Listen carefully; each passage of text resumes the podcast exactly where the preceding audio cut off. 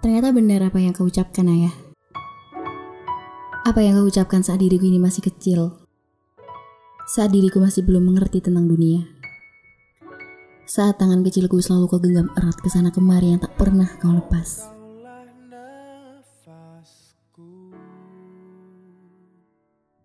Bahkan melihatku terjatuh saat bermain saja, kau marah kepada tanah yang membuatku tersandung.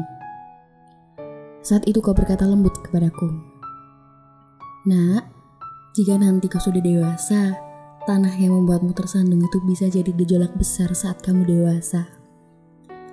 Dan ayah berharap kamu tidak boleh menangis saat terjatuh.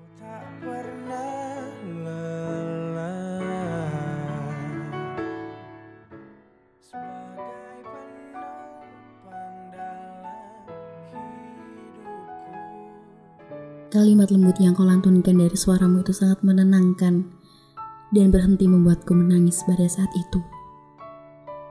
Tapi kini ayah, anakmu yang sudah pintar, yang sudah dewasa ini merasa lemah ketika tersandung gejolak itu.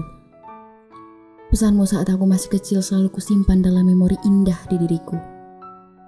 Bahkan, memori itu kubuat untuk menguatkan diriku yang hampir saja terjatuh.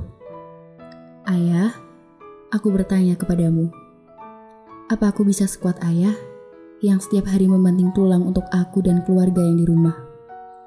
Apakah aku bisa sesabar ayah ketika saat ayah mengalami cobaan dalam hidup ayah hanya bisa bersabar tanpa marah? Maafkan anakmu yang selalu mengeluh saat tersandung tanah. Maafkan anakmu juga karena sampai saat ini aku belum bisa menjadi seperti ayah yang sangat sabar dan bekerja keras. Tapi tunggulah ya, pada waktu yang sudah ditentukan oleh Yang Maha Besar, akan kubuktikan bahwa aku bisa menjadi seseorang ayah. Waktu berjalan cukup cepat. Diriku yang semakin hari semakin renggah berbicara kepadamu. Semakin hari semakin jauh dari pelukmu. Yang sampai saat ini, ketika aku ingin memelukmu saja aku sangat malu. Karena jika aku jatuh di pelukmu ayah, Tangis yang luar biasa akan memenuhi pipiku dan bajumu.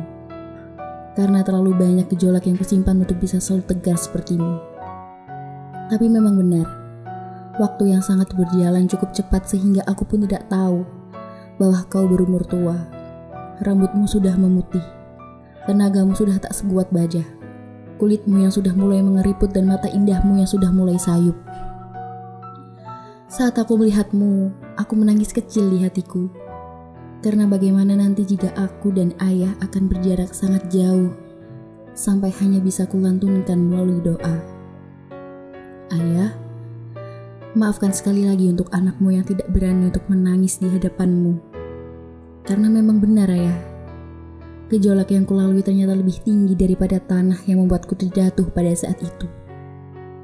Tapi tunggu ayah, aku akan bisa menjadi kuat sepertimu sehingga tidak akan ada air mata lagi yang kusimpan di dalam diriku.